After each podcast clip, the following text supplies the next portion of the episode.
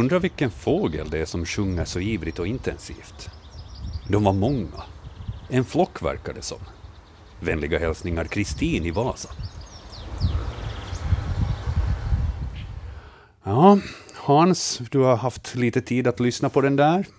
Vad skulle du säga, vad rör det sig om för fåglar? Uh, där sjunger åtminstone en grönfink i, i, i högen mm. och bland motorljuden. Sen finns det bofink där i bakgrunden, starungar som just har flugit ut och som tigger mat, en björktrast som lite hör av sig och också en trastunge som tigger mat. Så det är en blandning av flera olika fåglar. Det var en salig röra. Ja. ja. Mm. Men med andra ord, inte en fågel som sjunger så intensivt, utan det var många som var mm. intensiva. Mm. Ja, och, och, det är ju som Kristina säger, att det var många i, en flock, blandad flock av småfåglar som, som var här. Och både ungar och vuxna. Och det är ju inget problem för småfåglar på det viset, att det vara många olika arter i, i, i en och samma, ska vi säga skogsdunge, skogsparti Nej. eller i buske. Nej, nej, och, och de, de, känner ju igen sina artfränder hur bra som helst och, och hör sen att här finns också andra, andra fågelarter med. det är bara vi som har otränade öron som ja. har lite svårt att urskilja dem. Ja. ja. Svar där på första frågan i Naturväktarna den här torsdagen. God afton, god kväll och hej allesammans. Välkomna med. Naturväktarna sänder fram till klockan 21.00 här i Yle och här kan man få svar på alla era frågor om djur och natur. Kvällens experter Hans Hästbacka och Anders Albrecht. Och Annika Ljungberg är också med. Staffan Sundqvist sköter det tekniska i Böle och mitt namn är Joakim Lax. Varmt välkomna allihopa. Ehm, det har varit ganska varmt de här senaste dagarna och eh, senast jag pratade med dig, Anders, då var du lite bekymrad över att inte insekterna har på det viset kommit ikapp att det på det viset inte är riktig sommar ännu. Vad är läget no, det nu? Var, det var faktiskt, men det var ju två veckor Ja, så nu borde det väl ha ändrat en hel del? Nu är, nu är det sommar, ja. Äntligen, får man säga. Myggorna märkte jag av här för några dagar sedan då jag var ute i skogen och rörde på mig, så de är åtminstone på plats. Men är nu alla insekter på plats som borde vara? No, det, nej, egentligen inte. Vem är det som saknas? Att det, är nog, det är nog den här natt, nattflygande insektfaunan ligger nog ännu efter alldeles tydligt. Att det, det vi, vi befinner oss nog ännu i slutet av maj. Ja. Men att i alla fall det har gått, det har gått framåt och det, nu när det blir varma nätter så kommer det att komma i, i kapp. Jag väntar mig mycket av nästa natt. De har utlovat ganska bra temperaturer jo. över hela landet, men speciellt förstås i södra delarna, så månne inte det ska börja röra på sig på natten också. Och syd, sydliga vindar. Den, den förra natten kom det en, en hel del kolmalar, mm. som ju kommer söderifrån. Så att det fanns, fanns av dem redan, och det är alltid ett gott tecken. Mm. Fast den gör en hel del illa i ens kolland. Ja, men de behövs väl till någonting annat? No, de är ju bra fågelmat. Ja. Det var så jag tänkte med myggorna också, som ja. surrar runt mitt huvud här. Ja, men om inte annat så är de nöjda. skulle det nog bli en tysta våra här. Ja. Mycket andra kryp har också börjat röra på sig, Hans. Ja, jag har sett de första blomflugorna som har svävat på bland maskrosorna. Ja. Och en hel del blåvingar har kommit igång. Och, eh, har du sett andra än torsteblåvingaren? Jag har nog sett tre olika arter av Aha. blåvingarna. Och, och eh, ja, första trollsländan till och med har jag noterat. Ja. Så de har börjat kläckas så det sakta mak. Men det är nu kan man säga att det är glest i lederna så här långt. Nu är, nu är det, men det, det ska det vara när det inte har varit varmt. Då. Så är det ju. Ja, vi har ju haft verkligen en lång och kall vår. Ja. Ja, no, men det börjar röra på sig och, och eh, så kan jag rapportera att det är, inte bara, det är inte bara de små krypen som har börjat kläckas, utan också måsungarna rör på sig, speciellt hemma på egen gård. Och det är ju alltid lika trevligt om man ska försöka ta sig ut. Hälsningar där till fiskmåsparet som, som gör nära besök. Som sådär. trakasserar er. Ja, de trakasserar, men vi får försöka anpassa oss ja. bara till det. Ja. Det tror det finns en källardörr också. Ja, men det tänkte jag säga att, att uh, jag menar, vi har ju en otroligt fin grönska med, med mm. långt utvecklade blad och, Och när man granskar bladen så ser man ju att det finns en hel del larver som äter på de här bladen redan. Så att, och, och de talgoxar och flugsnappare som nu matas, så de hämtar faktiskt mycket, mycket fjärilslarver till Det- sina ungar. Det finns en hel del. Det är, Ja. ju, Ja. det är ju väldigt många fjärilar som övervintrar som ägg och som Ja. sätter igång bums. Och, Mm. och de, de utnyttjar solen så fort den lite värmer upp så, så är de ute och äter. Vi har en hel del eh, frågor som har kommit in hit till Naturväktarna som vi ska beta av den här kvällen och de eh, flesta så finns redan i bildbloggen som ni hittar på svenska.yle.fi natur och så är det bara att klicka sig fram där till Naturväktarnas bildblogg 2022. Men innan jag släpper eh, loss Annika här med e-postkörden så tänkte jag att vi ska ta en ljudfråga ännu som Hanna har skickat in. Eh, hon skriver så här. Det flög en fågel över vårt hus i Västanfjärd med ett läte jag aldrig förr hört. Han inte få upp telefonen i tid för att filma eller banda, men visslade genast in lätet efteråt. Jag har frågat några fågelentusiaster, men de visste inte. Det här skedde i början på maj. Så nu ska jag be våra experter att, att använda fantasin lite. Så här visslar Hanna.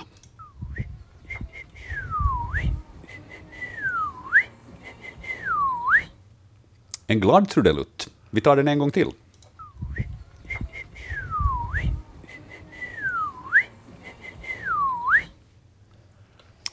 Vad kan det vara för en fågel? Ja, början av maj. Mm. Västanfjärd. Det kan ju förstås vara vilken fågel som helst eftersom det är en flyttande fågel som kommer, kommer från sydväst in över skärgården. Mm. Det kan vara nä, nästan vilken fågel som Ja, helst. Den ja. ja. Det tänds ingen lampa i, i min skalle eh, om, om det här lätet, för det här lätet. Mm. Var, var det så att den, den kom flygande? Ja, den flyger över Ja. huset. Ja, så det var på det viset, vad ska vi kalla det, flyktläte eller vad det heter. Ja, det finns kanske två. Det finns två som lite knackar på dörren. Den ena är skogssnäppan och den andra är gluttsnäppan. Gluttsnäppan i första hand och skogssnäppan i andra hand.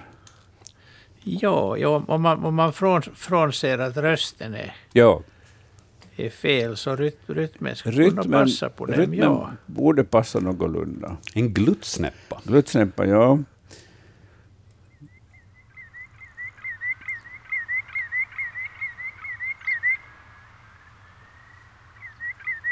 Spellätet. Ja, Men de har ett annat flyktläte.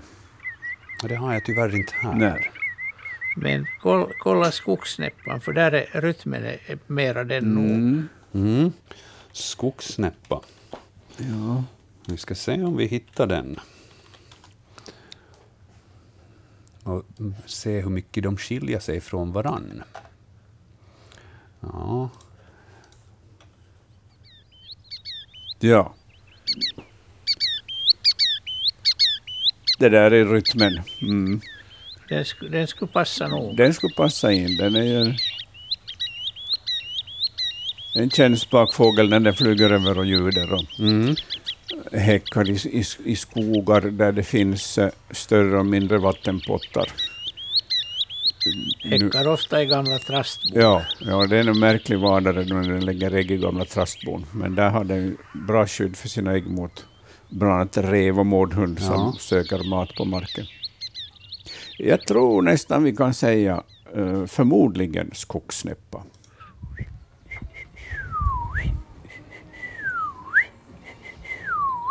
Det finns saker som är gemensamma där. Mm. Ja, då du sa att vi skulle använda fantasi som lite av det. Och det var helt rätt. Hörni, eh, jag tycker vi, vi föreslår skogssnäppa åt Hanna och eh, sen så ska vi ge en... eh, eh, jag- Skulle jag ha en hatt på mig så skulle jag lyfta på den för initiativet som Hanna hade. För det där tycker jag var ett strålande sätt att åtminstone, om inte man genast får det där ljudet bandat, så memorerar man hur det går, Ja. så det på ett ungefär och visslar det själv sen och skickar in. Tusen tack Hanna för det. Skogssnäppa föreslår vi, och så hoppas vi att det var rätt. Nu, Annika, är det dags att titta på e-posten? Vi har faktiskt ett annat förslag gällande det första lätet som Oj. vi hörde idag. Eh, En lyssnare föreslår att det ändå skulle kunna vara en steglitz med i det första ljudklippet som vi lyssnar. Eh, Är det hans möjligt att vi är missa mycket- en steglitz där? Det är mycket möjligt att Steglitzen är med där också. Ja. Ja. Bra, då fick signatursteglitz nog bekräftelse. Det är de ja, det kan hända hö- att vi missar mycket, mycket en sån. hö, höga letena där som passar in på Steglitzen tillsammans med Grönfinken som också sjunger. Jo, redan, redan en ensam Steglitz som sjunger låter som många. Mm. Ja. Ska vi försöka lyssna lite?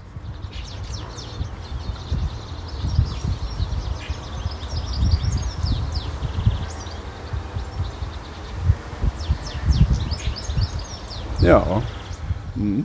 Det kan nog, kan nog bra vara där. Ja. Ja, den, det komplementet tackar vi för. Ja, Mm. och sen så tror jag att det var en 50-kubikare som körde förbi där någonstans också i bakgrunden, med märke och modell. Det kan jag inte gissa mig fram till. Mm. Utmärkt! Tack för den uppdateringen. Och vad har vi sen i e-posten, Annika? Eh, Vi ska kunna ta två frågor som Carola har skickat in. Jag skulle vilja veta vilket djur som åstadkommit avföringen på bilden. Den är ungefär naturlig storlek på bilden. Eh, Och bilden ser vi bark och sen en massa avföring som är sådana små pripplor som jag brukar säga. Det vill säga, jag skulle gissa att det är i storlek kring något risgryn, det vill säga, alltså ris, ko, kokt ris. Mm. Vad säger du Hans, är det, är det ungefär den storleken? Ja, det är ungefär den storleken. Vi har några talbar här. Mm. Bland annat i mitten av bilden och till, uppe till vänster i bilden så har vi talbar som jämförelsematerial. Och, och, och eh, det gör att det här blir en ganska liten avföring i jämförelse med tallbaren. Mm. Vi brukar ganska ofta få sampel på sån här eh, musavföring bland Mm. dina trädgårdsgrejer. Jag tycker det här är liksom lite kortare och tjockare och brunare avföring än det som jag ja. tycker att brukar vara musavföring. Jag tycker att den bäst av allt så, så passar den på skogssork, den här avföringen. Ja, jag, jag tycker det också. Ja. Ja, det, det, det är nog... Det skulle jag nog hålla med om. Ja, det, det är ju dessutom skogsmiljö det här. Det ser man på de här nedfallna ta, tallbarren och de här mörkna träden här som, som används flitigt som utedass av, av områdets skogsorkar. Och det att det är så här koncentrerat, alltså, det, Mm. betyder det att det är många exemplar som är här? Och, Det finns många exemplar som använder bland annat det här stället eh, där de lämnar avföring. Det är ju också ett, ett sätt att, eh, att berätta om sig själv, att, att jag finns eh, och jag frekventerar det här området flitigt varje dag och, och jag är i bra kondition. Så det är också information till de andra skogsorkarna. ja. Då är det skogsorkens revirmarkering på Carolas Mm. första bild och på den andra bilden så har vi sen en växt. Jag har försökt googla mig svar på utan att lyckas. Hoppas ni kan hjälpa mig. Är den vild eller odlad? Och den bilden som Carola syftar på så ehm, där hittar vi en gul blomma som, eh, som har en sån här, som är strutformad, den här blomman.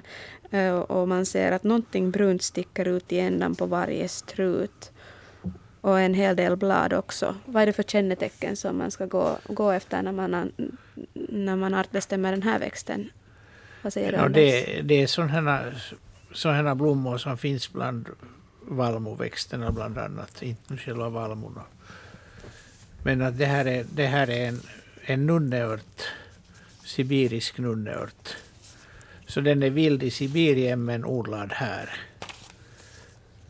Och den, den är mycket större än våra vilda nunneörter. Hur stor är den här blir- den blomklasen blir- till exempel?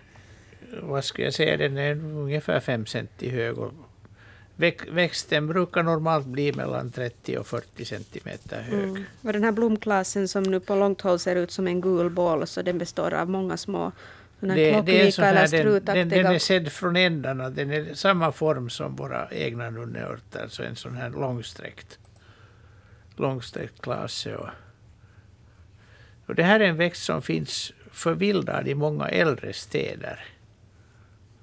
Där, det, där de har funn- funnits i evig, eviga tider. Och, men sen har folk börjat förstås att ta och plantera in dem i trädgården. Och, och sprider på den. Och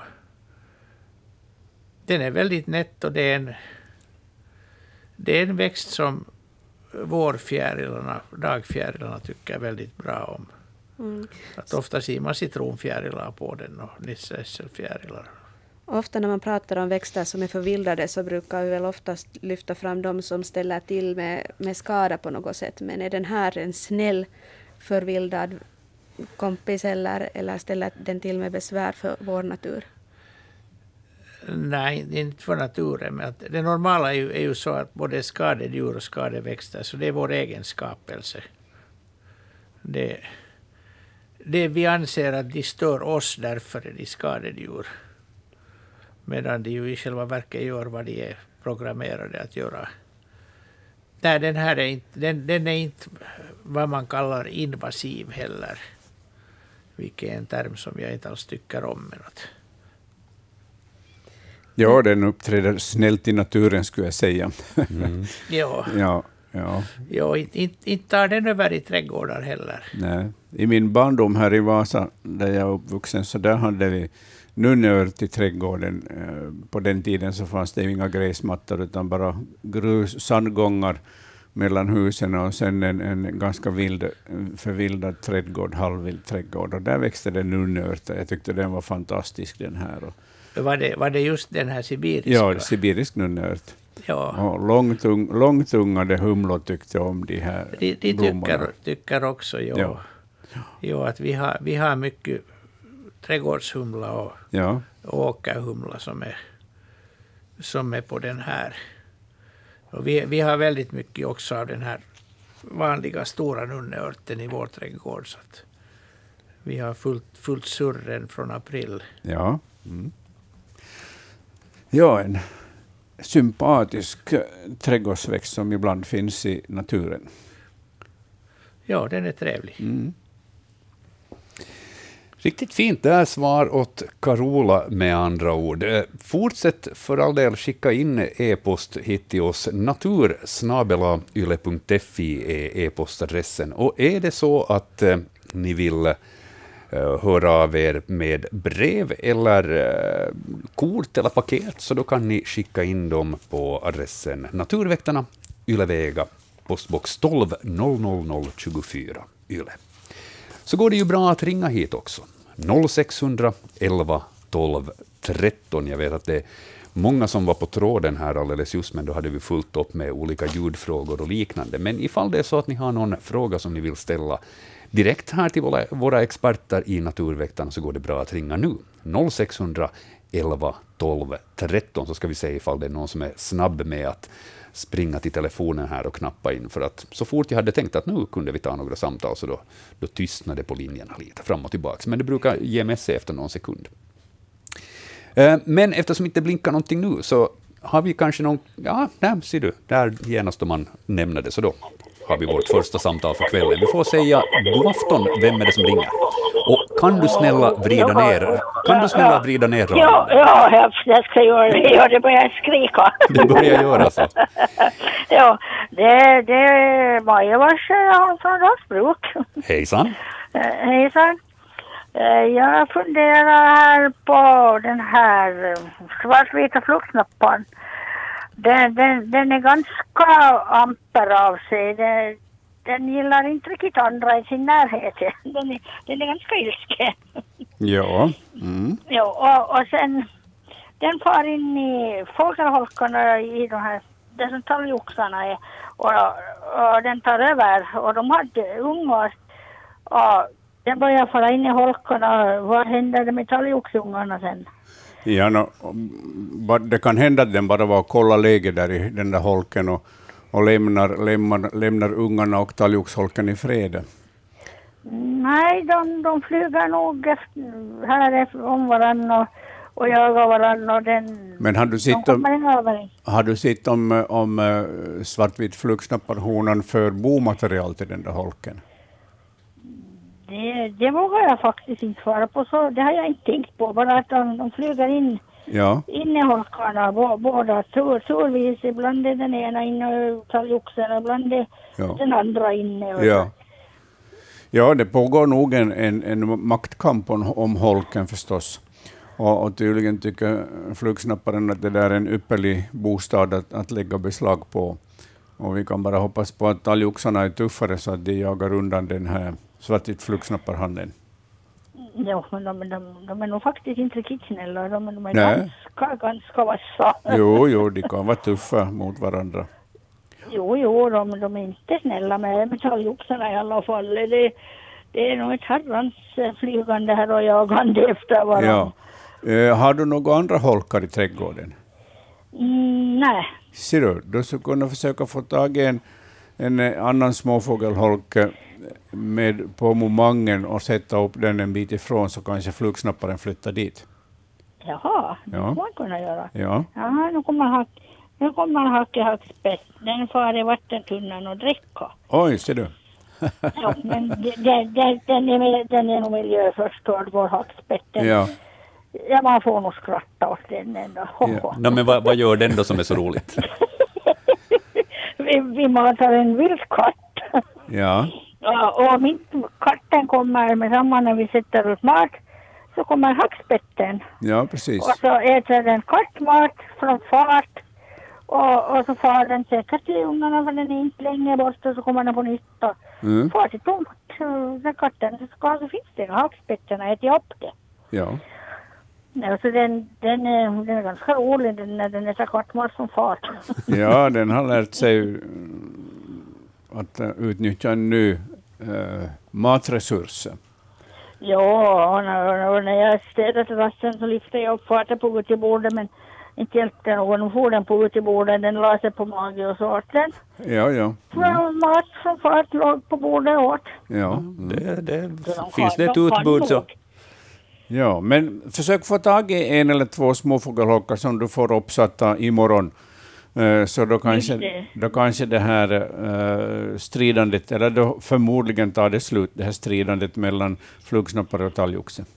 Ja, sen är nog hackspettarna lite besvärliga med det de vill nog fara i holkarna. Ja, visst vi gör de det. Mm. Och det kan nog ekorrarna också. Ja, men hackspetten är nog tuffare och den tar ju gärna och hugger in på fågelungar. Ja, de är nog lite, ja, man kan ju inte sitta och vakta dem hela tiden heller. Nej, nej. Ja, men, Ja, men, men det är ju eh, synd, för att de, jag tycker synd om talgoxarna och de små ungarna. Ja. men Ja, en, en till fågelholk dit till, till, till trakten så, så låter som en bra idé. Så kanske de, de lämnar talgoxarna i fred. Vi funderar annars vad det skulle bli för blandning det där. Nej, det blir nog inte någon blandning, utan, utan om, om, om svartvitt flugsnapparen går segrande ur striden så blir det döda, döda uh, talgoxungar.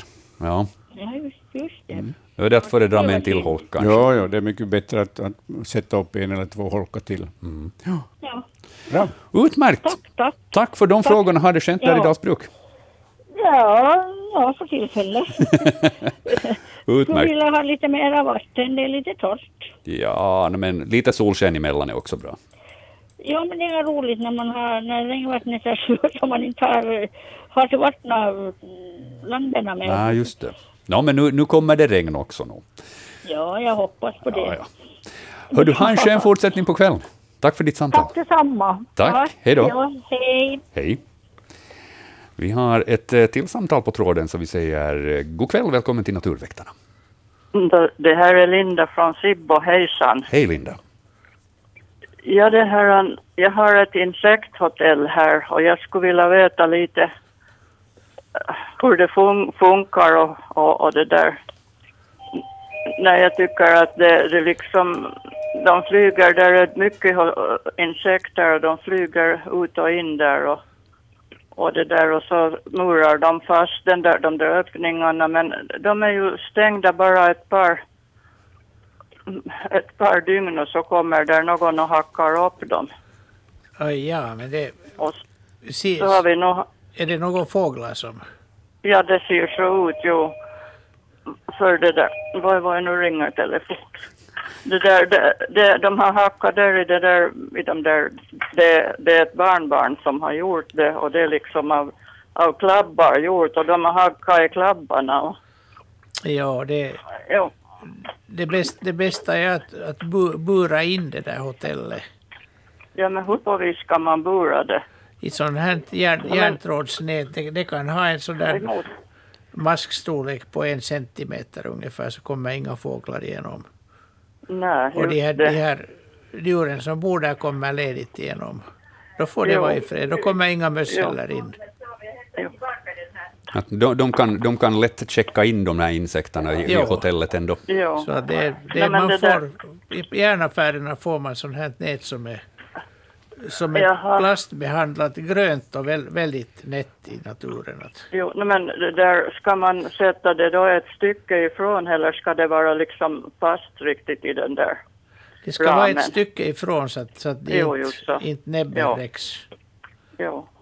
Men det där, hur, så där nu att hur, hur länge liksom borde det vara fastmurat det där, den där öppningen där i alla fall? Du, du menar hålet där? Hålet ja, som, som de har nu, de har ju flugit ut och in där då. Jo, det, det, det, det beror på art. Att det är ju, det är ju många, många arter av olika grupper som gör det. Och de, det, det går ut på att de, de tar en sån här, ett sånt här hål Ja, och så för de in mat och så lägger de ägg och vanligen så gör de det. Så murar de en mellanvägg och sen på nytt att det kan vara en 10-15 sådana här kammare efter varandra. aha. Och sen jaha. murar de fast det sista och sen går de aldrig mera dit. Sen, sen går det till, till, vanligen till nästa sommar förrän de kommer ut därifrån sen. Nå, då har nog några, några fåglar hackat det där äh, bort sen den där sista öppningen. Dörren, dörren kallar vi det till. Jo, hur, hur länge har du haft det här hotellet? Nå, nå det, vi hade nog redan i fjol på sensommaren men att men det är nu det här, de här, när det har varit soliga dagar så har de flugit där och Jo, inte, inte ska det vara upphackat någonting ännu inte. nej, nej, nej. Nej, jag, det är nog så att det där hotellbordet har varit, matbordet har varit dukat. Ja, Det, no, men vi ska nog köpa sånt där metallnät då. Det går, det, det, det är rullar som räcker till, till 100 hotell säkert. jo, jo. Jag misstänker att hotellgästerna kanske- tackar.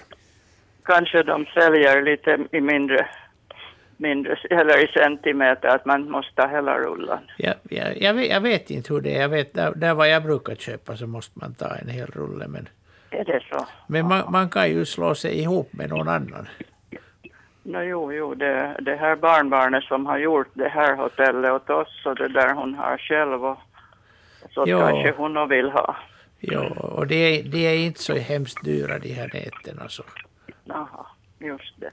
Nej men det, jag börjar, när jag inte vet alls och jag funderar att det, det kan inte vara så här att det ska hackas upp det där genast, inte att det är nu de där fåglarna men hur i världen, och jag, man ser inte en enda fågel där fast jag nu har försökt se och valla. Ja, de kommer tidigt på morgonen och, och, och arbetar ja. med det där medan du sover. Det Ja, och de, ja. de gör det så kvickt. ja, det är framförallt större hackspett och talgoxe som har lärt sig det här. Det, det brukar vara de gör. Ja. Jo, för no, det är nog kanske hackspett då, därför att där, är ju- där är ju de där klabbarna riktigt nog en del Ja. No, men det var, det var intressant det här och det ska, det ska liksom vara nu när de murar fast det så ska det vara ända till nästa år kanske. Jo, en, en del kanske kommer ut redan, redan på sommaren. Det, det beror på art. Men att de flesta kommer antagligen att vil, vila där till nästa år så kommer de ut nästa vår. Jo, jo, det var det som jag tänkte att det går inte på två dagar. Det där. Nej. Det, bra. Men det var, det var intressant. Hördu, tack för ditt Tack. samtal, Linda, Tack och ska ni eh, ha. ha en skön kväll. Tack. Bra. Tack detsamma. Tack. Hej då. Hej då. Ja, det kan vara bra att, att, att spärra in hotellgästerna. Eller, Det- ja, inte, det är ju inte det man gör, men skydda dem i varje fall. De, de borde egent- egentligen när de säljer sådana här hotell eller, eller gör ritningar så det, det borde alltid ingå det här skyddet för att de, de är en, en, en, en fågel så de kan tömma ett sådant hotell på några timmar. Liksom en, en tidig morgon så hackar de upp alltihop. Ja, det är ju skåpmat, eller burkmat tänkte jag säga, som, burk- burkmat, som är staplat där färdigt. Ja, nej men bra. Linda fick tips för hur hon ska skydda sina insekter i hotellet. Gott så. Dags att eh, titta efter vad vi har i e-posten då vi har sju minuter till jämn timme innan nyheterna då ska in. Så. Följande meddelande kommer från Anton och Strandlejonen som har sett någonting som verkar som en läskig men snäll skalbagge enligt beskrivningen. Vad är det här för krabat? Är det någon slags skalbagge? Såg den i Växala och den tycktes trivas vid stranden. Och Anton har skickat en bild med sitt meddelande och där ser vi en eh, ganska stor insekt som är sån här grå brunt i färgen och har väldigt, väldigt långa antenner. Och de är jättefina, för de är randiga, vitsvart, vitsvart, randiga de här antennerna som är minst dubbelt så långa som den här insekten i fråga.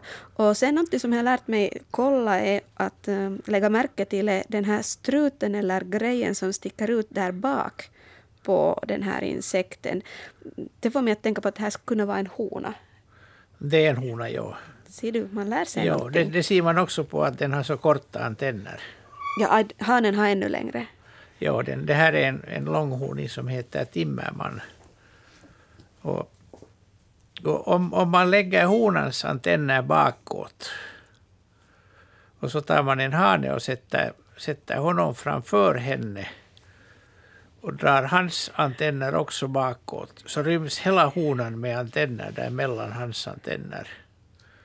Att de, är, de, är en, de kan vara en fem, sex gånger längre än kroppen. Och hur lång är den här kroppen på den här honan? No, honan är ungefär en och en halv till, en och en halv till två centimeter lång. Och den är över en halv centimeter lång den här struten där bak.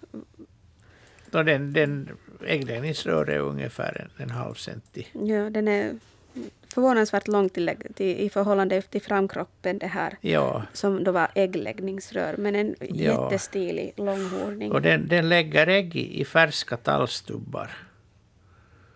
Att of, ofta går de, går de efter hyggena och, och lägger ägg där. Och, den är ganska vanlig den här. Man hittar den också på, på sådana här virkeshögar som, som har blivit för länge att ligga efter vintern. Vilket är ju inte tillåtet nu för tiden. Men, men det blir ändå. Om inte de får en hel lastbil full så då lämnar de högen. Men det, det är ett roligt, roligt djur. Och den, är, den är nog snäll men tar man i den så ska man komma ihåg att dess käkar är gjorda att, att gnaga i friskt tallvirke. Så att man ska ha ganska hård hud för att den inte ska, inte ska gnaga upp. Man ska lite, lite se upp med dess käkar. Och sen har den ett, ett mycket kraftigt ljud. Ett gnisslande ljud som den gör genom att gnida, gnida huvud, huvud mot mellankroppen. Så att den, den skrämmer er nog också. Finns det andra långhorningar så här, som har så här fin färg på antennerna? Det, det finns en hel del, ja. Men att den, här, den här har de längsta antennerna. Men det, det är inte alls ovanligt bland insekterna med, med tvåfärgade antenner. Det finns lite i alla grupper. Vad är det för nytta med den här färgningen? Är det något sån här skyddskamouflage, mm, utmarkerings eller sån här? Det, alltså det, är, det, är en mycket, det är en mycket bra skyddsfärg. Om, om den sitter mot en mera orolig bakgrund så, så gör det att antennerna försvinner. Man, man ser inte själva antennen. Och hela, hela den här kroppen, alltså den, den är ju gjord egentligen för att sitta på, på trästammar. Och det ser man från fär- färgen, den är sån här Ja. gråbrun, Och skulle flammig. antennerna då vara enfärgade så skulle man genast se att där är, där är något sånt här. Men när de är så här tvåfärgade så det, det bryter av formen. Jag tänkte nu att eftersom det här är en timmerman så har den måttstock, att det är därför, att, därför Ja. som de är så här streckade. Men, tvärtom. Det, det, Ja. Därför heter den timmerman, för att den har måttstock. Det är den vägen. Okej, men det finns, en, det finns en sån koppling med Det andra finns en koppling, ja. En verkligt god representant för långhorningarna. Jo. Den bästa av dem alla. Ja.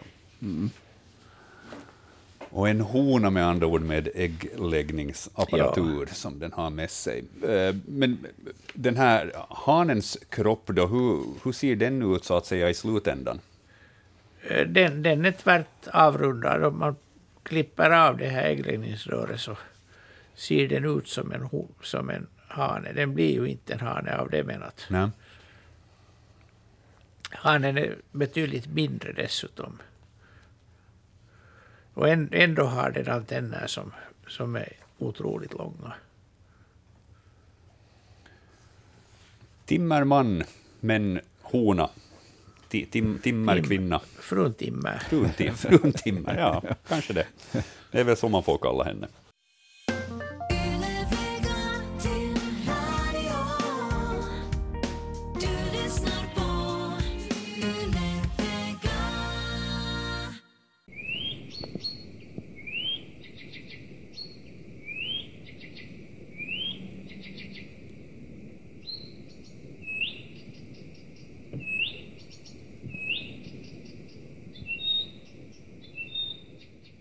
Vad är det här för en fågel som jag hörde i natt? Vem kan det vara? Det undrar Karina. Allt det här händer i nordvästra Borgå. Uh, Hans, tycker du det här låter bekant på något sätt? Ja, det här är en mycket sån lugn sång med eh, härmningar och upprepningar och passar bra in på busksångarens sång. Ja, ja, den har ju blivit betydligt vanligare nu. Ja, den har blivit det, ja. Mm. nu och, ju längre österut desto vanligare blir den. Ja. Den, den, är, den är väldigt så här rogivande och trevlig att lyssna till. ja, den är skön att, att lyssna till och den sjunger ju främst på nätterna. I de här sköna uh, ljusa sommarnätterna och, och man ska unna sig faktiskt att lyssna till den här när den, när den Ja. har anlänt från, från Asien, från, från det här uh, övervintringsområdena i Asien. Det är ju en av de som kommer ganska sen, bland de senaste flyttfåglarna. Den, den är sen, ja. Mm. ja. Ja, det var fint, fint. Det här är någonting för alla nattugglor tänkte jag säga, men det är, Ja. ju, det är ju synd för busksångaren det. Och det var, det var ju en fin inbandning också. Ja, riktigt. Tusen tack för det, Karina. Hon eh, har fler frågor som eh, vi ska ta tag i. Hon skriver så här. Undrar hur länge koltrastarna matar sina ungar utanför boet. Vi har ett par som byggt i vårt biltak och inte ett knyst av ungarna förrän jag förra lördagen märkte att ungen eller ungarna var ute ur boet och blev matade. Men samma dag började byggandet av ett nytt bo på bobrädan jag byggt för svalor under halltaket. Matar den ena föräldern ungarna och den andra börjar bygga på ett nytt bo? Eller är det kanske ett annat par? Eh, Det är inte ett annat par, att som det är koltrast som bygger, bygger bo på det här svalornas brede, så, så är det koltrast honan som gör det, medan hanen matar ungarna. Och, och koltrasten kan mata sina utflugna ungar mellan fem och tio dagar, beroende på hur långt utvecklade de är och hur mycket mat de har fått och sånt under botiden. De trastarna, speciellt koltrastarna, som brukar ha ganska bråttom att, att eh, lägga en ny äggkull och föda upp en ny, ny, ny kull med ungar. Men det här verkar nog att vara ett rekordpar. Och om det faktiskt så att, att det är koltrast som bygger det här nya boet. Ett ungt och ivrigt par som vill att allting ska hända genast. Ja. Ja, eh, Karina fortsätter sen. Eh, hur länge kan en fågel ligga i holken och ruva utan att behöva ut och sträcka på sig eller få mat av eh, den andra halvan? Bångade, min, bångade mina holkar i söndags och satt en god stund utan resultat vid en av holkarna, en mesholk. På kvällen när jag gick en liten runda märkte jag att där nog visst bor någon, eftersom det stack ut lite mossa och gräs i en springa.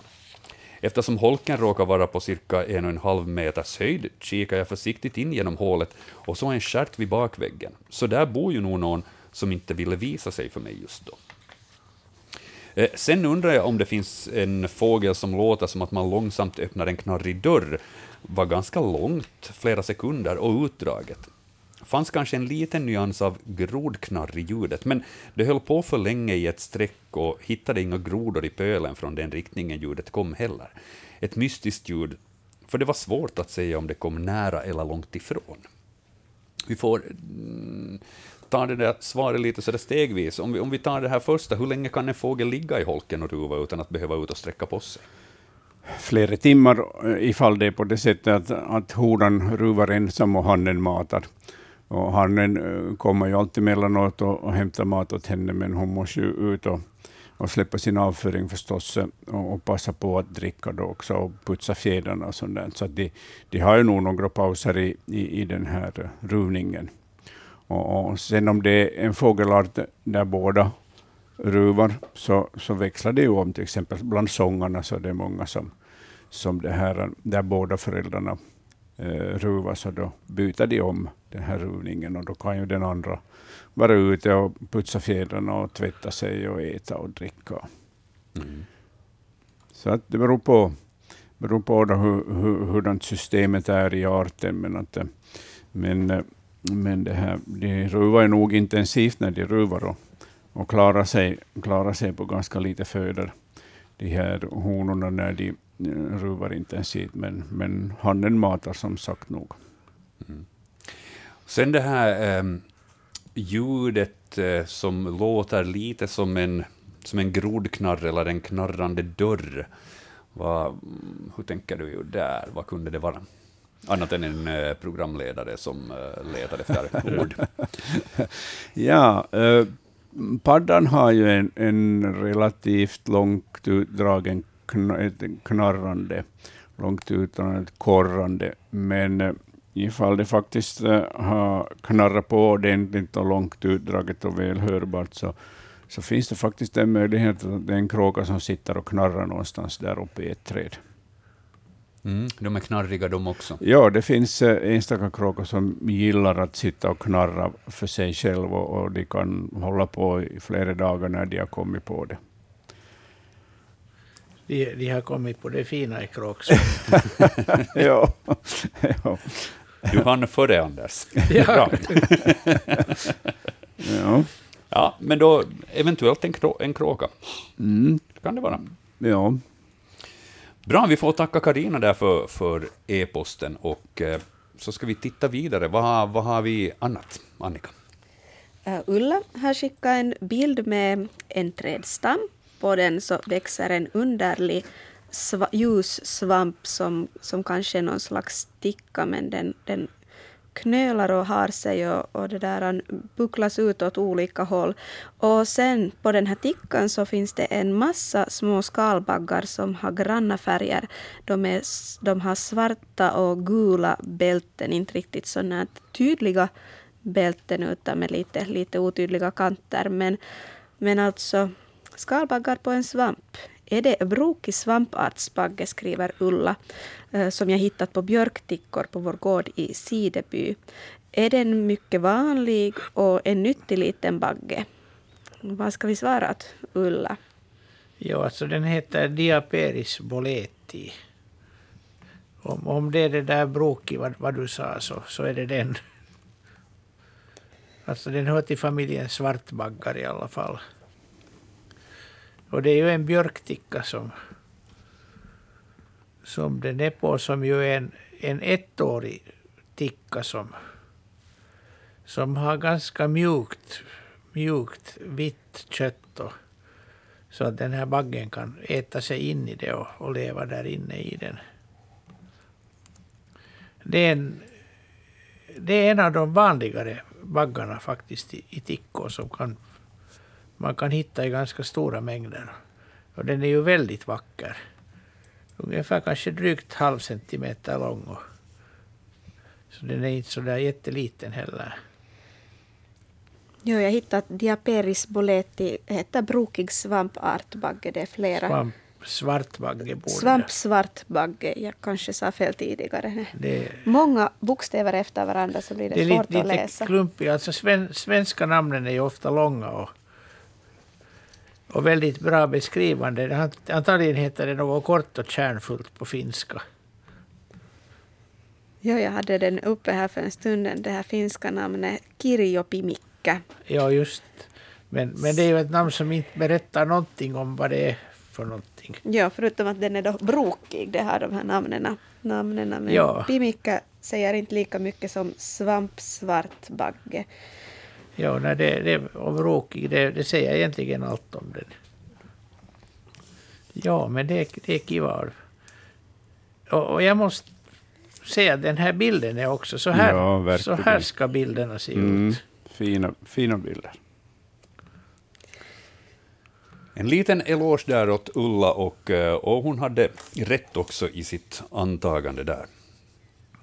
Eh, telefonerna blinkar. Vi får ta ett samtal emellan. Eh, vi säger god kväll, välkommen till Naturväktarna. God kväll. Mitt namn är Skogman och jag bor här ute i Baresunds yttre skärgård. Ja, Och jag har en sån fråga att, att det där, i vintras, vi har en viltkamera, vi bor på en holme här som är ungefär en 30 hektar. Och, och vi fick en lo på vår viltkamera. Nå, nu har vi fått den igen Ja. den här veckan. Och nu är min fråga förstås den att har den nu stationerat sig här och vad lever den av? Och, och var bor den? Ja. 30 hektar. Mm, det räcker. Så det, och halva, halva holmen är, är ungefär bebodd och andra halvan är, är sån här naturskyddsområde. Ja. Mm. Ja, den, alltså, lodjuren så lever ju på allt från smågnagare och småfåglar till, till stora fåglar och, eh, och det här rådjur och vitsvanshjortar. Så det finns gott om föda för dem. Och, och harar, harar gillar det ju bra också, de här, de här lodjuren är skickliga på att fånga harar. Så det finns nog en hel del föda för dem ute på den här ön. Eh, Ja, där, den där hjorten hade den åtminstone inte fått liv av för den äter upp sina blommor med jämna mellanrum. ja, ja. ja. Hur är det, eh, ligger de andra eh, holmarna nära till? Ja, här finns det, det är riktigt här vid yttre, yttre fare, så här finns nog, vi hade redan hoppats att den skulle försvinna för vi har två små hundar, hur, Ah, ja. Mm. hur farligt är det för dem? Eh, lodjur tar ytterst sällan hundar. Jaha, Det brukar vara så att till och med små hundar så kan skrämma iväg lodjur när de här hundarna börjar skälla. Eh, men eh, säker, helt säker kan man ju inte förstås vara. Men, nej. Hur små är de de? är ju här på, det, det är sån här dvärgsnautser. ja, dvärgsnautsar, ja. De är ganska tuffa de där dvärgsnautsarna. Ja, det är det ju nog, men att, Och, och I alla fall. ettriga i sitt skall, men de är väl inne på nätterna. Jo, jo, jo, och de är nog här runt, runt omkring, men, men den här eh, lon som vi nu fick, det var den sjätte i sjätte faktiskt klockan tolv på natten Ja. på bilden. Ja, så de- den var på väg upp på terrassen. Oho, se bara. Mm. Och jag kom nu ut den sjunde hit, så jag vet inte, och då funderar vi bara på det att, att, att månne det hade någon fågel flugit mot fönstret, att, att, det där, det fanns nog inga spår på det, eller hur, hur, hur var den på väg upp för trapporna där på terrassen? No, det har ju visat sig att lodjur som, som bor i kulturmiljö, alltså där, den miljö där människan bor och som människan har format, så de lodjuren så vänjer sig helt eh, att, att gå upp eh, på gårdar och på terrasser och sånt där, och, och, och kökstrappor. Och det ingår helt enkelt i deras vanor, för när människan sover så finns det ju ingenting att vara rädd för på de här Nej, eh, ja. gårdarna. Men det där, man behöver inte här, jag menar att den, den är ju, om jag har förstått rätt så är den ju ganska skygg. Den är skygg, ja. Mm. Att är, det, är, det, är det så att den på nätet eller så här den bor i trän eller kan Nej, man se det på bildning eller? Alltså den, den kan ju klättra bra, den klättrar ju bra, eh, lodjuret, men den klättrar framförallt när den ska fly, fly undan den jagande människan och, och jagande varg, men annars håller den sig nere på marken och, och gillar ganska sådär stenig och klippig terräng där den kan ha sin lya och sin sovplats. Okej, ja, just det. Nå, det var ju synd att den har nu stationerat sig här då. Ja. Mm. Men, men äter den, jag har ännu en fråga, Ja. äter den också ormar? Uh, det kan hända att den gör det, men, men eh, jag tror inte... Alltså det finns ju tamkatter som specialiserar sig på ormar, men, och jag kan bra tänka mig att, att lodjur, en del lodjur också kan ta ormar, men eh, hur vanligt det är så kan jag inte säga. För det, vi brukar ha ganska mycket så här på våren just när Ja. det kommer ut. Ja. Men vi har inte sett bara en enda snok i år. Ja, precis. Mm. Okej. No, men det, Det- där... det är bara att man följa behöver med inte vara läget så där. hemskt- Ja, man behöver inte vara så hemskt rädd då. Nej, nej, nej, nej. Nej, ja, bra. Det är väl nog så att lodjuret är mer rädd än vad du kan bli. Så. Ja. Okej, ja, tack ska du ha. Bra. Tack för ditt samtal. Tack för kväll. det här. Tack, hej. Tack, hej. Ja, det har visat sig att flera lodjur har blivit kulturbetonade av sig i sina levnadsvanor. Mm.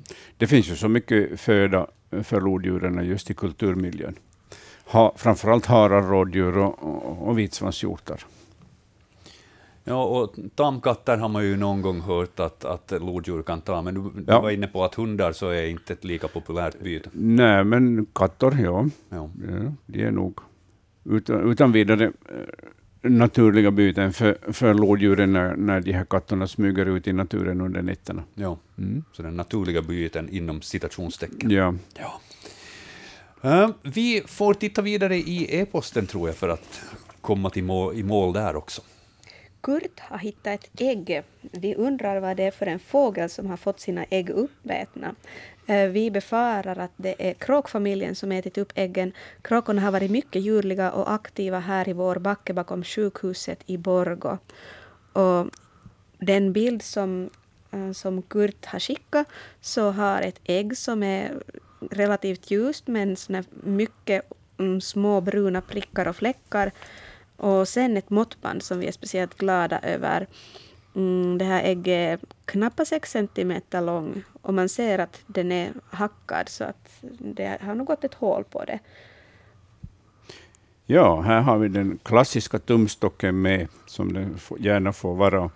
Och, och sätter man tumstocksändan i jämn höjd med äggändan så blir det här ägget nästan 6 centimeter, eh, 60 millimeter. Och, och den här grå, gråvita färgen plus de här mörka fläckarna så, så visar att det är ett ägg av sothöna.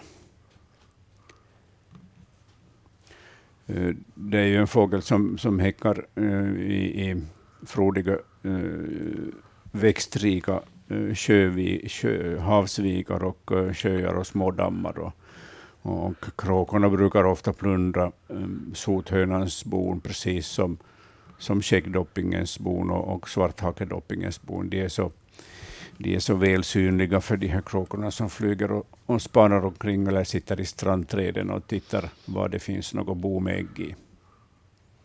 Och sothöna skulle passa bra in på, på Borgå-trakten. Ja. Och, Jo. ja. Det, det, det är gott om sothönor där i, i Ruskis område.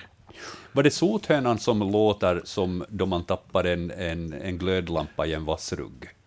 Att den har ett litet sånt här ljud? Nej, Eller är det någon nej annan? den har ett sånt där metalliskt eh, nickande läte, Ja, okej. sothönan. Just det.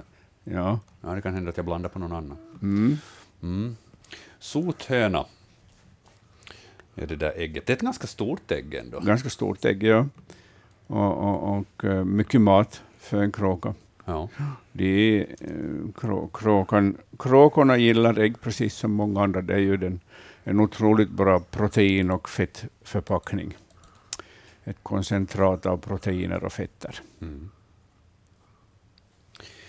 Okej, vi noterar sothöna där och eh, tittar vidare i e-posten. Vad har vi som nästa?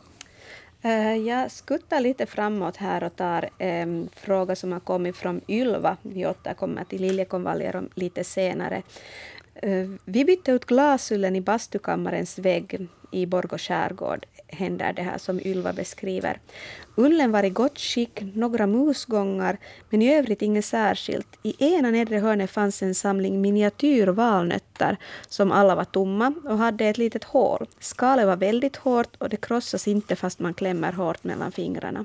Är det här något slags frön som musen samlat, suttit och ätit eller har någon insekt övervintrat i dessa? Aldrig sett sådant förut. Inte heller snickren som tidigare öppnat väggar har stött på sådant här tidigare. Och vi blev nyfikna på vad det kunde vara fråga om.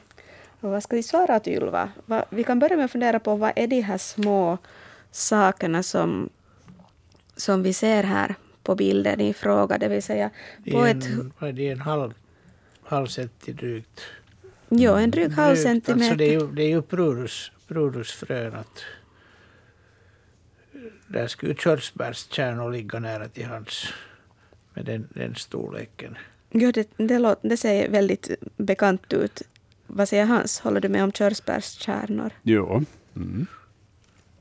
Det gör Och jag. det, och det här är ju, de här hålen är ju precis så som, som möss och sorkar tar sig, tar sig in i, i frön. En sån, en sån här jämn, jämntuggad yta. Att när, när ekorren gnagar sig in så då är det betydligt grövre. Och det skulle ju passa bra om de har tagit in dem dit i, i, i ullen och ätit där i lugn och ro. Har de tagit in hela körsbären eller bara kärnorna? Kärnorna. Ja. Ja, de har knapp, knappast, knappast burit in, in hela. De har nog säkert skalat rent före. Eller kanske de har tagit in hela trädet i julen. Misstänker att man skulle hitta lite andra spår då också kanske. Det kan hända, ja. Eh, husmusen och skogsmusen ligger närmast till. ja. De gnagar just så här rent och snyggt när de gnagar upp sådana här skal. Fröskal. Körsbärskärnor och husmus. Och bra fotograferat och så har vi det här välkomna eh, centimeter, det välkomna centimetermåttet här också. Ja, det är, det är mycket bra. Mycket, mycket bra. En liten påminnelse där just eh, det är strålande ifall man råkar ha ett måttband eller en tumstock eller någonting sånt med och just tar närbilder och sen lite vidare bilder också så att man eh, har någonting att, att liksom le, då man letar efter andra ledtrådar än bara det man har tagit närbild på. Här har vi ett strålande exempel som, som Ylva har skickat in. Eh, så eh, det är någonting som man kan ha så där bakom örat då man fotograferar och skickar en fråga till Naturväktarna. Och är det nu så att inte man har en måttstock eller ett måttband med, så då en slant eller, eller mm, nycklar eller Eller ett tallbar eller granbar. Ja, sånt. Mm. någonting sånt här så att vi får lite sådär storleksjämförelse.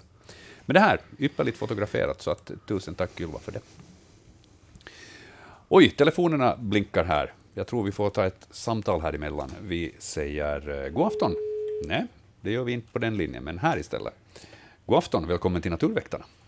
Nå, god kväll, god kväll. Det var Niklas från Replote, hej. Hej Niklas.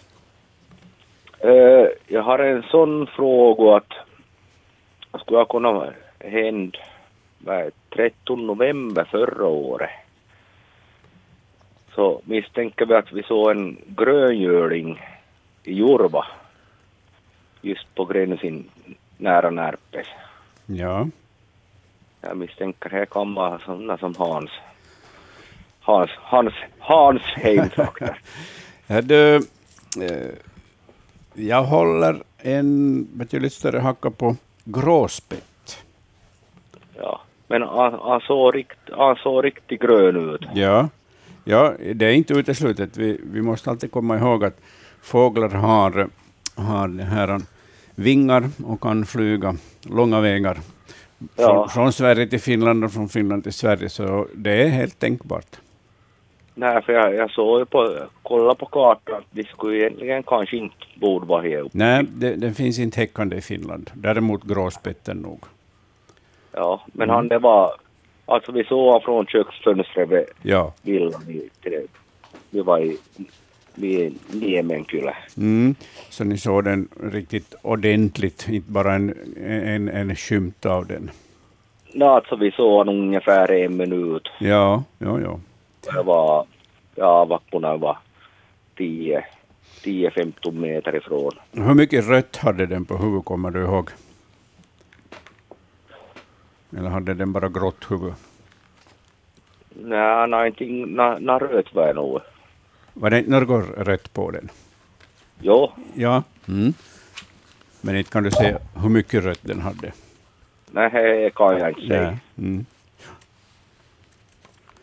Och finns det annat sådär som, som skiljer dem grön, åt? gröngölinghannen, han har ju hela huvudet och sen har han dessutom eh, röda eh, kinder, eller uh, polisonger ska vi säga under näbben. Medan, medan Ja. gråspetthannen, han har bara så att säga pannan röd. Men eh, de, de har ju nog ganska mycket samma färg annars, de här gråspetten och, och gröngölingen. Ja, nej, som sagt, jag började tänka på det, jag har aldrig sett någon sån där. Ja, jag har aldrig sett gröngöling i Finland, däremot nog i Sverige förstås, där den ju finns. Och, och där man kan följa med dens förehavanden, där den, den är ju ganska lokalt knuten till sitt eh, revir, mellersta, mellersta och södra Sverige. Mm. Så att Eh. du, du tänker mer sannolikt nog gråspett, men inte uteslutet ändå? Nej, inte är det uteslutet att det är en- gröngöling. Mm. Och du sa ni följde den en minut ungefär?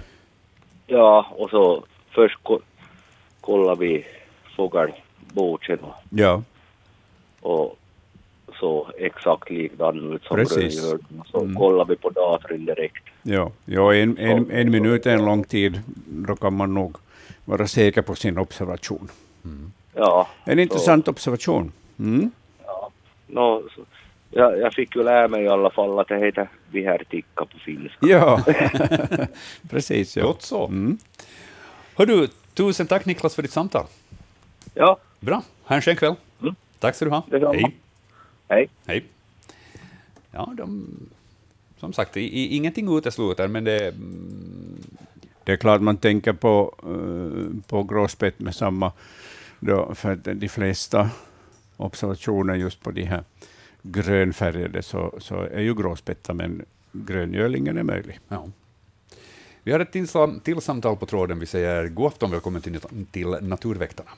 God afton, det är Janne från Kyrkslätt. Hej Janne. Hör du, eller hör ni, jag har två frågor.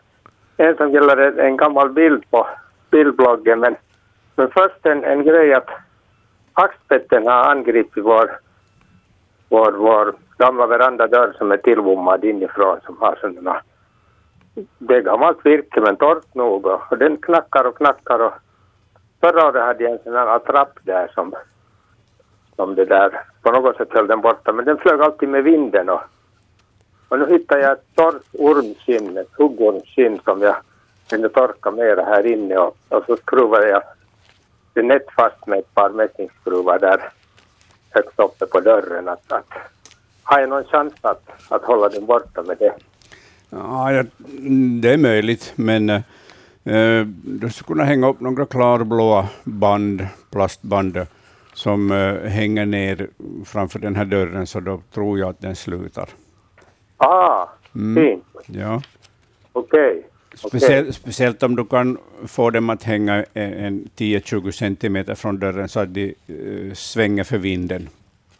Jo, där är takvåsen över så det, det Ja. lyckas nog. Ja. Mm. Du stiftar fast bara en, en rad med blåa band. Jo, jo, jag tycker det såg så bara tufft ut med ormen där på väggen. Ja, det är säkert snyggt. Ja. Du kan ju först kolla ifall det har sin verkan. Okej, ja. Mm. Men sen en annan fråga som jag skulle rikta till Anders. Mm.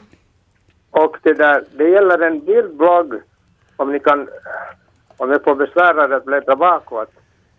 Det är den andra februari, den näst sista bilden. Det är en svampbild från, från min, min kompost som vi, vi talade om det med Johan, men det blev på hälften på något sätt. Det var två svampar. Det var 5 januari som, som bilden är tagen. Det var efter en period på ungefär två veckor med minus 10 och så blev det, ungefär, så blev det mitt i allt noll ungefär. Och då var snörande vid halva komposten och så dök det upp två svampar. Den ena var en bläcksvamp som är en gammal bekant, men den här andra såg mycket mysko ut och, och det där. Det blev aldrig något svar på det och jag vet inte om Anders fick, fick se den här bilden överhuvudtaget. Nej, är det, jag, jag har nu en bild där det är två. Den väntas nu, vad är det för datum? Den andra februari. 2 Ja. februari. Där nere. Där är två bilder. Ja, bläcksvampen var den vänstra, det, det, det har vi klarat av på hösten redan. Ja, och det, den andra är, är, det, är, det är också bläcksvampar.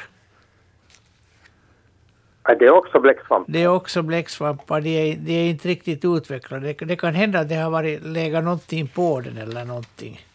Ja, jag grävde, jag, det, det var liksom obetydligt inne i, i den där, i den där uh, myllan liksom. Det stack bara lite upp så jag tänkte att det var en, det var en, det, något mer spännande än en bläcksvamp. Ja, nej, de, de, har inte, de har inte kommit åt att veckla ut hatten. Kanske de inte var mogna ännu. Men att det, det är bläcksvamp. Men att vil, vilken art bläcksvamp det här, det, det kan jag inte säga. Nej, men det, det, det, det, det fortsätter att, att övervintra, övervintra där. Det, det är en här gammal, den här komposten är ett, gammalt äventyr. Det är kanske fem år sedan som jag, som jag frågade om en, om en sån här stor tjock fluglarv, hur man ska tillverka den. Och, och det där, jag fick till svar att, att, att man ska låta den äta sig mätt av, av mjöl och sen först steka den. Ja, just det. och det lyckades. Det, det, det där kompostäventyret. Sen skickade jag en annan bild en gång om koltrasten när den hade bökat om på våren. Då var det, då var det så att det frös till mitt i allt efter en längre blidtid. Och då, då fick koltrasten antagligen problem att, att hitta mat. Och så kom den på nytt dit och bökade om och sökte maskar och den gjorde så fruktansvärda liksom gångar och, och grävde och, och, och, och blandade om där. Att, kan det finnas någon annan än den som, som liksom kommer till samma revir? Ja, no, vildsvinen är otroligt uh, duktiga på att böka om riktigt ordentligt uh, den här ma- markytan, så, så det är ju förstås ett alternativ. Men om du har sett att koltrasten har varit där och bökat upp, så Ja. Ja. Ja, de, är ju, de kan vara ganska vilda eh, när de sprättar på de här trastarna för att de är ju desperata och under, under mossa och, och eh, fönan så hittar de ju en massa småkryp de kan äta. Ja, och där finns mycket mask. Ja, När vi det var så högt uppe, det var liksom allt det där bökande skedde på över en meters höjd. ja precis. Mm. Ja, nu är det, nu är det, nu är det koltrasten. nu. Ingen annan fågel är intresserad eller har samma liksom... Ja, nu, nu kan ju skator och, och kråkor kan nog böka på också om de hittar ett ställe där de faktiskt eh, hittar mycket föda, så då kan de nog hålla på och, och, och böka sönder marken. Men trastarna, för trastarna är det ju vardagsmat att, att sprätta i marken. Ja, hack, hackspettarna är ofta, ofta nog också vän- vänder mossduvor och så här. Ja. Ja. Att jag sett både, både större hackspett och gråspett göra det. ja, men det här var liksom på toppen av den här komposten och det, Ja. det var nästan färdigt. Det var maskvar där men inte, inte något mycket annat. ja, nu är det koltrasten som har varit där. Det är nog säkert, ja. Hej, nu kom jag på en fråga som jag skulle ställa Ja. angående det här just masken.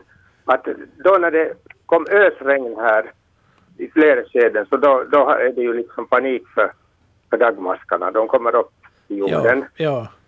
Och jag samlade sen en, en hel del sådär och sen satte jag dem in i komposten uppe.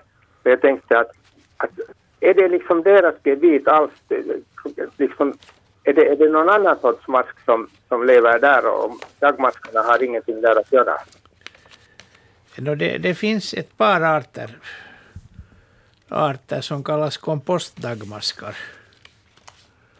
Och, det, och Ja. det, det är de som man huvu, huvudsakligen hittar i komposter. Och, Ja, de, och de, kan, de kan bli där medan de här, de här stora dagmaskarna, de, de vill komma ner i, i jorden och djupt. Att känner de, de på sig att de, är, de är, har de liksom sådana höjdmätare att de vet att den är, de är en och en halv meter ovanför jordnivå? Jag, jag vet inte, men antagligen vet ni var de är. Ja, ja. Var de är. Men att vi- vill man ha mask i komposten så, så man kan gå och köpa sån här som, som fiskeaffärerna, till exempel Motonet säljer Mm. mask. Och, man, man känner på den här lukten att det är kompostdagmask. Att de, Ja. de, de luktar illa. Precis. Och det har, inte, har inte med deras föda att göra, utan det, de har sådana ämnen i.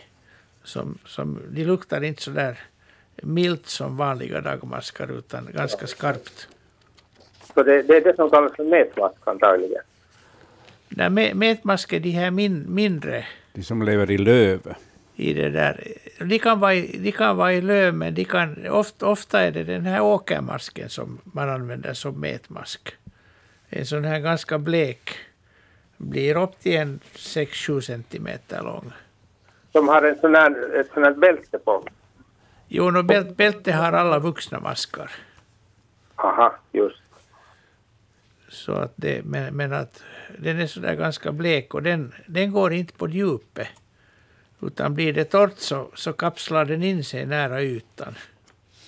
Medan de här stora dagmaskarna de går ner till ett par, par tre meters djup. Ja, så de, de, de trivs. Det är ingen vits att kasta dem i komposten.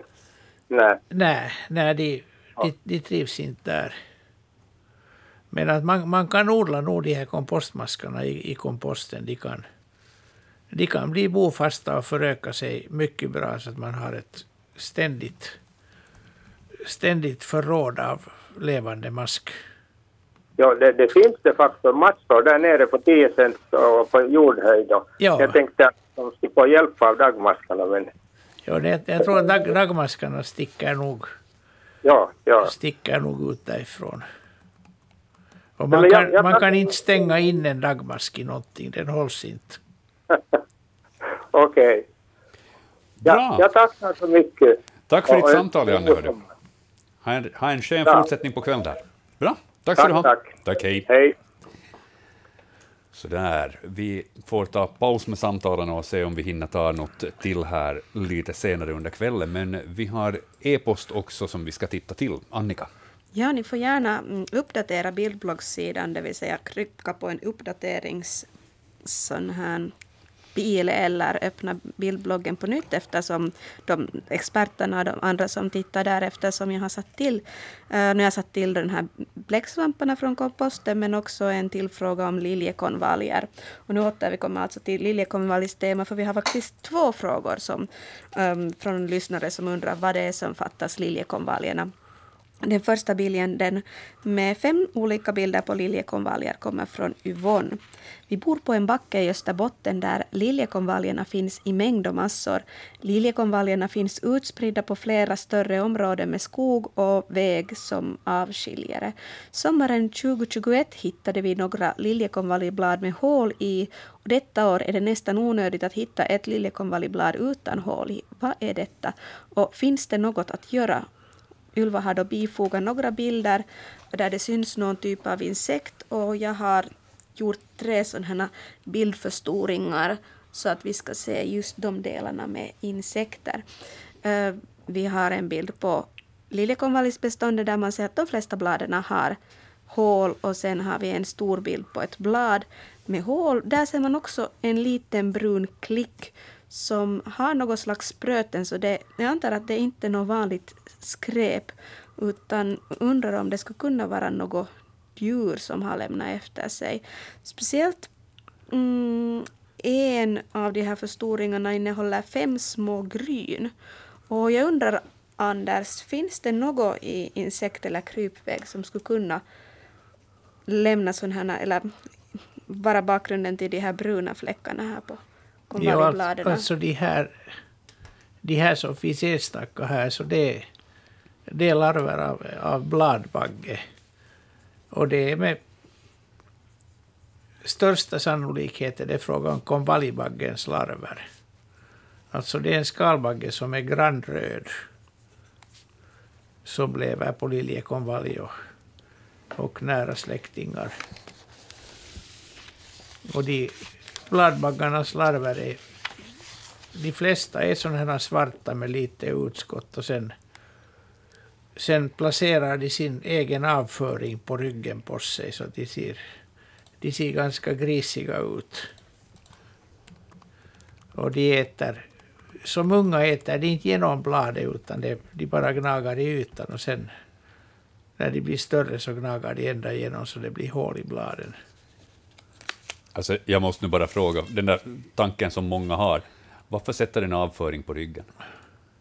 Eh, Kamouflage. Det, no, det, det, det är kamouflage och det, det är också, det, det smakar. Det smakar helt enkelt bajs. Fåglarna tycker inte alls om det. Och det, det är ganska vanligt i själva verket bland bladbaggarna att de gör det här. Och de larverna får vara i fred på det viset. Mm. Du, när du nämnde den här konvaljbaggen så kom jag att tänka på en fråga som, som det här vi inte tänkte hinna med idag. Det är ju tyvärr så att nu under högsäsong så då hinner vi inte behandla, all, behandla alla bilder som vi får in till vår e-post. Men, men jag visade dig Anders en bild. Är det här en insekt som skulle kunna vara en konvaljbagge? Där högst upp på pappret som jag gav åt dig. Det, det ser ut att, att vara det.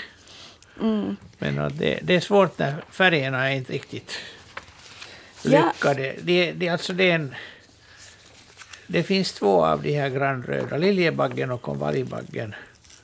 Och liljebaggen har svarta ben och konvaljbaggen har delvis röda ben. Ja, den här har delvis röda ben. Det ser man på högra sidan, där ljuset faller på benen. Ja, det är Bjarne som har skickat in en fråga. Vad är det för kryp som äter upp våra lökpipor och gräslök varje år? Och jag hittade den frågan också bland, eh, bland alla bilder vi har, så nu uppdaterar jag bildbloggen igen. Och där borde man kunna se både Yvonnes liljekonvaljfråga och Ingas fråga som vi snart behandlar, men också Bjarnes fråga, att det är en liljebagge eller en konvaljbagge. Borde inte de två slå sina påsar ihop och bli en liljekonvaljbagge? Det var enklast. ja.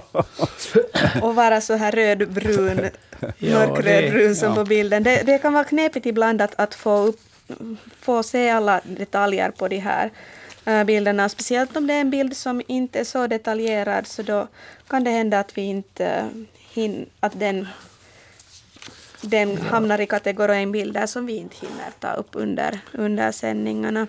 Ja, liljevaggen liljebaggen anses ju vara ett svårt skadedjur för att den går på den går gärna på vissa odlade liljor.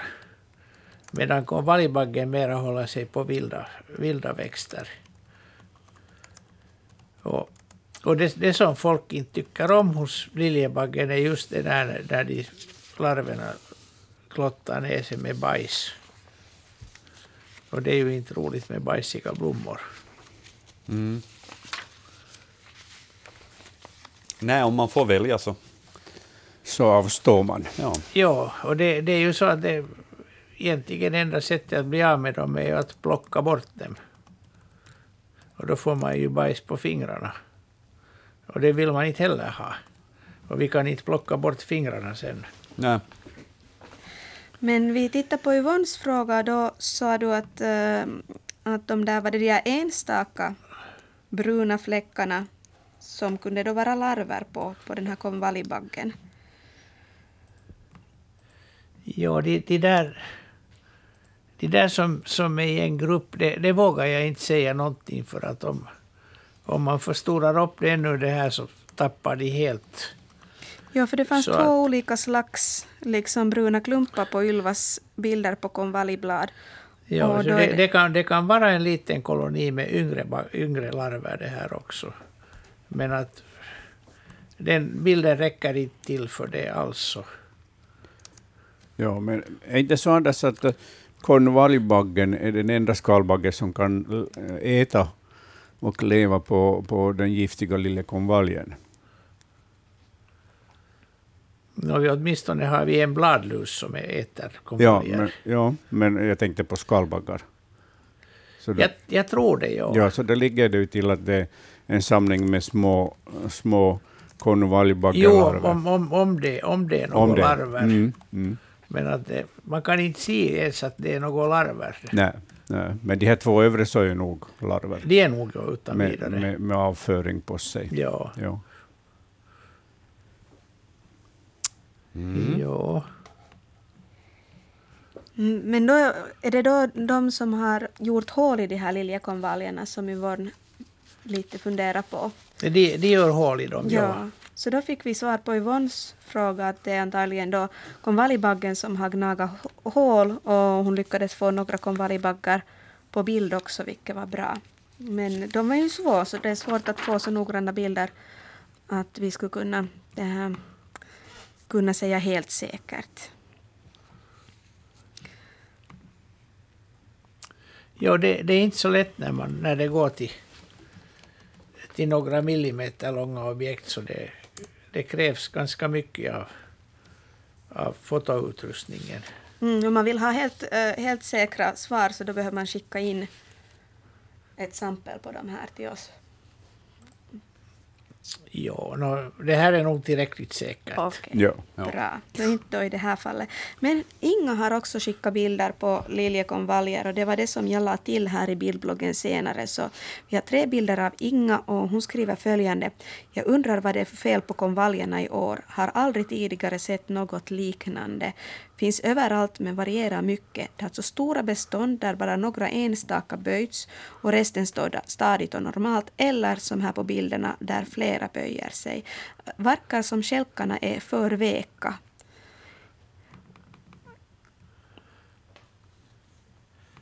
Ja, det, det ser ut som de skulle sloka. Kan det vara så att de bara har varit så pass nya eller liksom nyligen utvecklade och tunna och det har kommit ett hårt regn eller kan det finnas något annat som, som fattas de här liljekonvaljerna som har börjat sloka? Jag tror inte att regnet borde slå ner så där. Om, om inte de är, om, om de har haft torrt och är, är liksom halvt slo, slokande så kan de slås ner av regn. Mm. Det som jag, orsaken till att jag tänkte på regn är att de, verkar, de är våta av vattendroppar här Ja, i bilden. mitt, mittersta bilden är ju våta. Ja. Men om de först har slokat och sen har blivit utsatta för hårt regn så då kan det ju vara orsaken till att de slokar. Ja, och det, det räcker med att de bara slokar, då lägger de ner sig.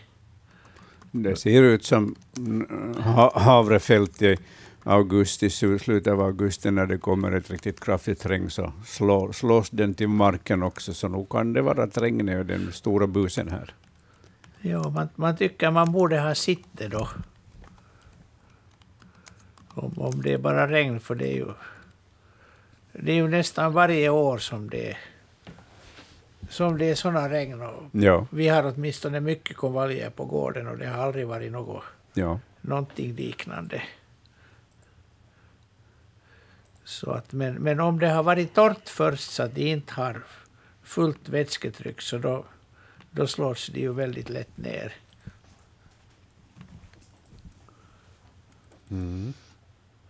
Eller sen har någon, någon, någon, någon djur legat, legat där och ålat sig på dem. Men om det var på många ställen så... Mm, det finns överallt men varierar mycket. Stora bestånd eh, där antingen några enstaka böjts ner eller områden där flera böjer sig. Så då verkar det inte vara att någon, som, någon har lagt sig på dem. Ja, det är just det, därför det finns bara ojämnt av det. Ja. Jag tänker, I övrigt ser det ju ganska sådär orört ut där Ja. runt omkring med de här bladen och, och liknande, så det, det är nog inte någon som har bökat och på det viset lagt sig ner kanske utgående från det här. Men, det. Det är nog svårt att säga utgående från de här bilderna. Ja, och om man tar fasta på det där att, att, på vissa ställen är det många som är ner, eh, nerböjda och, och sen bara små fläckar här och där, så kan det ju faktiskt vara vitsandshjort eller, eller rådjur som har gått i de här bestånden och legat på vissa ställen. Ja, ja det, det var det jag tänkte. Eller vildsvin. Eller vildsvin, ja. Mm. ja. Så det är nog mer troligt än regnet. Jag tycker regnet, regnet kommer inte... Det, det heter ju spridda skurar, men det brukar inte vara på det där viset. Nej, inte fullt sådär lokala Nej. kanske. Nej. Ja. Ja, okej. No, men det, det, det går lite till gissning. Det blir nog gissning, ja. Vi lämnar liljekonvaljarna där och tittar till telefontråden där vi har ett samtal. Vi säger, ja, okej, vi, vi säger ingenting där, men vi säger på den där linjen istället. Vi säger god afton, välkommen till Naturväktarna. God afton. Det är Uffe från Ingom. Hej Uffe. Och det här, min fråga är det att vi, vi har sett en torkstuva. ja. Hur, hur allmän är den här i södra Finland? Den finns, men den är ovanlig. Så det, det, Den var här i, i förra veckan så, så var den tre dagar kom alltid där. ja, Efter nio, nio, halv tio. Och, och det där, vi såg den så tydligt, den kom där och landade i ett äppelträd varje dag på samma vis. Och där satt den och, och plockade sig. ja. Man får hoppas att den har sin hona på boet då någonstans där i närheten, att det är ett häckande par. Ja, det, jo, det var bara en Ja. som vi såg. Ja, den, den, den finns ju, förekommer sparsamt i, i, i, längs kusten i, i, i södra Finland och Österbotten, men eh, det är kanske fråga om 300 eller något sånt där, så det 300 par, så att det, det är en av våra ovanligaste fåglar. Ja, det, det, jag är ändå 70 plus och det var första gången som jag såg en sån fågel. Ja, ja, den har faktiskt eh, förekommit lite mera i, i, på 1970, 1980, 1980-1990-talen, men att har gått tillbaka sedan dess. Ja, Men en nätt och fin uh, duva som, Jo. som gärna häckar eh, i trädgårdar och parker. ja. Jo, vi har, vi har flera lövträd, olika lövträd här och, Ja. och den flyttar sig som den, den var i det där äppelträdet varje morgon men så flyttade den sig där till en ask och, Mm. och så var den nog nere på gårdsplan och, och plockade någonting som den hittade något frön eller någonting. Ja. Ja, och vill man satsa på, på att mata den så är ju havre det bästa man kan ge åt Jaha, den. ja. Vi måste följa med och se. Ja. Mm. Ja, Mycket bra. bra så. Jag Tack tackar. Uffe. Ha det gott. Tack. Tack, hej. Ja, tam. Hej, hej. Inte många minuter kvar av den här torsdagens Naturväktarna, så vi får väl titta till eh, sista frågan i bildbloggen då. Ja, vi har en fin bild av en skäggdopping som Carola skickade in. Vi har ett skäggdoppingpar här i södra Sibbo som redan har tre ungar och har ännu tre okläckta ägg kvar. Pappan är duktig med att hämta små fiskar åt ungarna som för det mesta är under mammans vingar. Men min fråga är varför matar pappan ungarna också med dun som han har hittat? Det här händer flera gånger. Och det som vi ser på bilden är då, um, var det nu två stycken skäggdoppingar, nu har jag upp bilden. Ja, den ena sitter på boet och man ser någonting väldigt gulligt sticka fram där under, under den sittande skäggdoppingens vinge, det vill säga små ungar. Och är det kanske så att ena har något som ser ut som dun i munnen och den andra skäggdoppingen ligger i vattnet där intill och sträcker på halsen mot de här ungarna. Jättevackert familjeporträtt som Carola har skickat in. Men kan de ge dun åt ungarna? Varför skulle de syssla med sånt? Ja, de, de gör det regelbundet. Och det är för att eh, matsmältningen och framförallt eh, för att binda de här vassa, eh, vassa de här benen från fisken. Så, så därför får de de här dunerna som eh, hjälper till med att eh, mildra matsmältningen. Så det är en, en regelbunden eh, del av födan, de här dunerna. Det ser ganska märkligt ut nog. Ja, att eh, när, när skäggdoppingar kommer och matar sina unga med dun istället för fisk. Men att för det mesta får de fisk och, eh, och eh, vatteninsekter. De här dunerna, är det från någon annan fågel eller tar de egna Eh, dunmål? Jag tror det är egna dun. Mm, Ljusa dun från bröstet. Ja. Ungarna skulle vilja ha småfisk, men så kommer pappan hem med det där vanliga dunet då igen. Mm, men man ser ju att ungen äter det här dunet. De, de protesterar inte, utan det som stoppas i näbben så det sväljs. Så det, de spelar nog sin stora roll, de här dunerna, för, för att eh, underlätta matsmältningen och neutralisera de här vassa fiskbenen. Ja.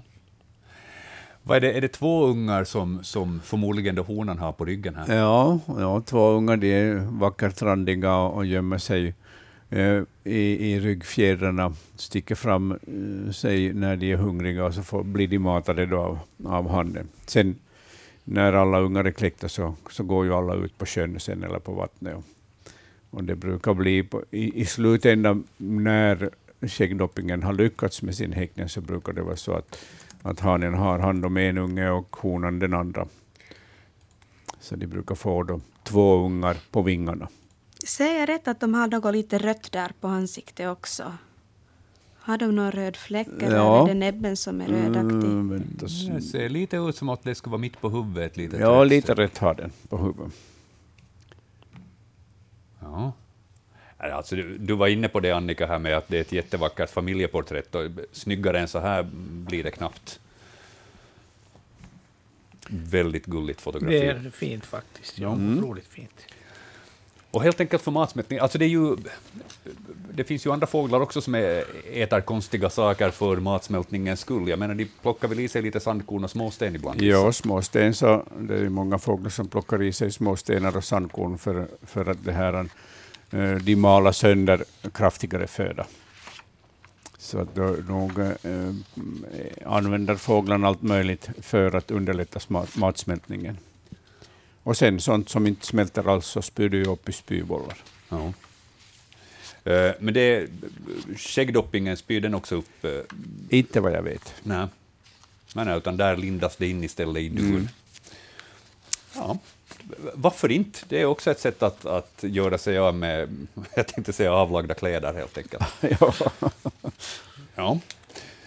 Utmärkt. Eh, Fler frågor än så tror jag inte att vi hinner med den här veckan i Naturväktarna. Men tusen tack eh, ni som har skickat in frågor hit, både på e-posten och ni som ringde in också. Det är ju alltid ni som gör den här sändningen med era frågor. Och tusen tack också till Hans Hestbacka och Anders Albrecht för er expertis ikväll. Tack Annika Ljungberg och tack också Staffan Sundqvist för den tekniska assistansen där i Böle. Ifall det är så att ni har frågor som ni vill att vi ska behandla här i Naturväktarna, så e-posta in dem på natursnabelayle.fi eller så skickar ni brev, post och vykort och liknande på adressen Naturväktarna, Ylevega, postbox 12 00024 Yle. Och så kommer ni ihåg att ifall det är växtdelar eller torkade kryp eller någonting sånt, så försegla gärna kuverten ordentligt också med en extra tejpbit eller någonting sånt så att ingenting faller ut. Jag, Joakim Lax, tackar så mycket för sällskapet ikväll eh, och tusen tack för att ni lyssnar. Vi är alltid lika tacksamma.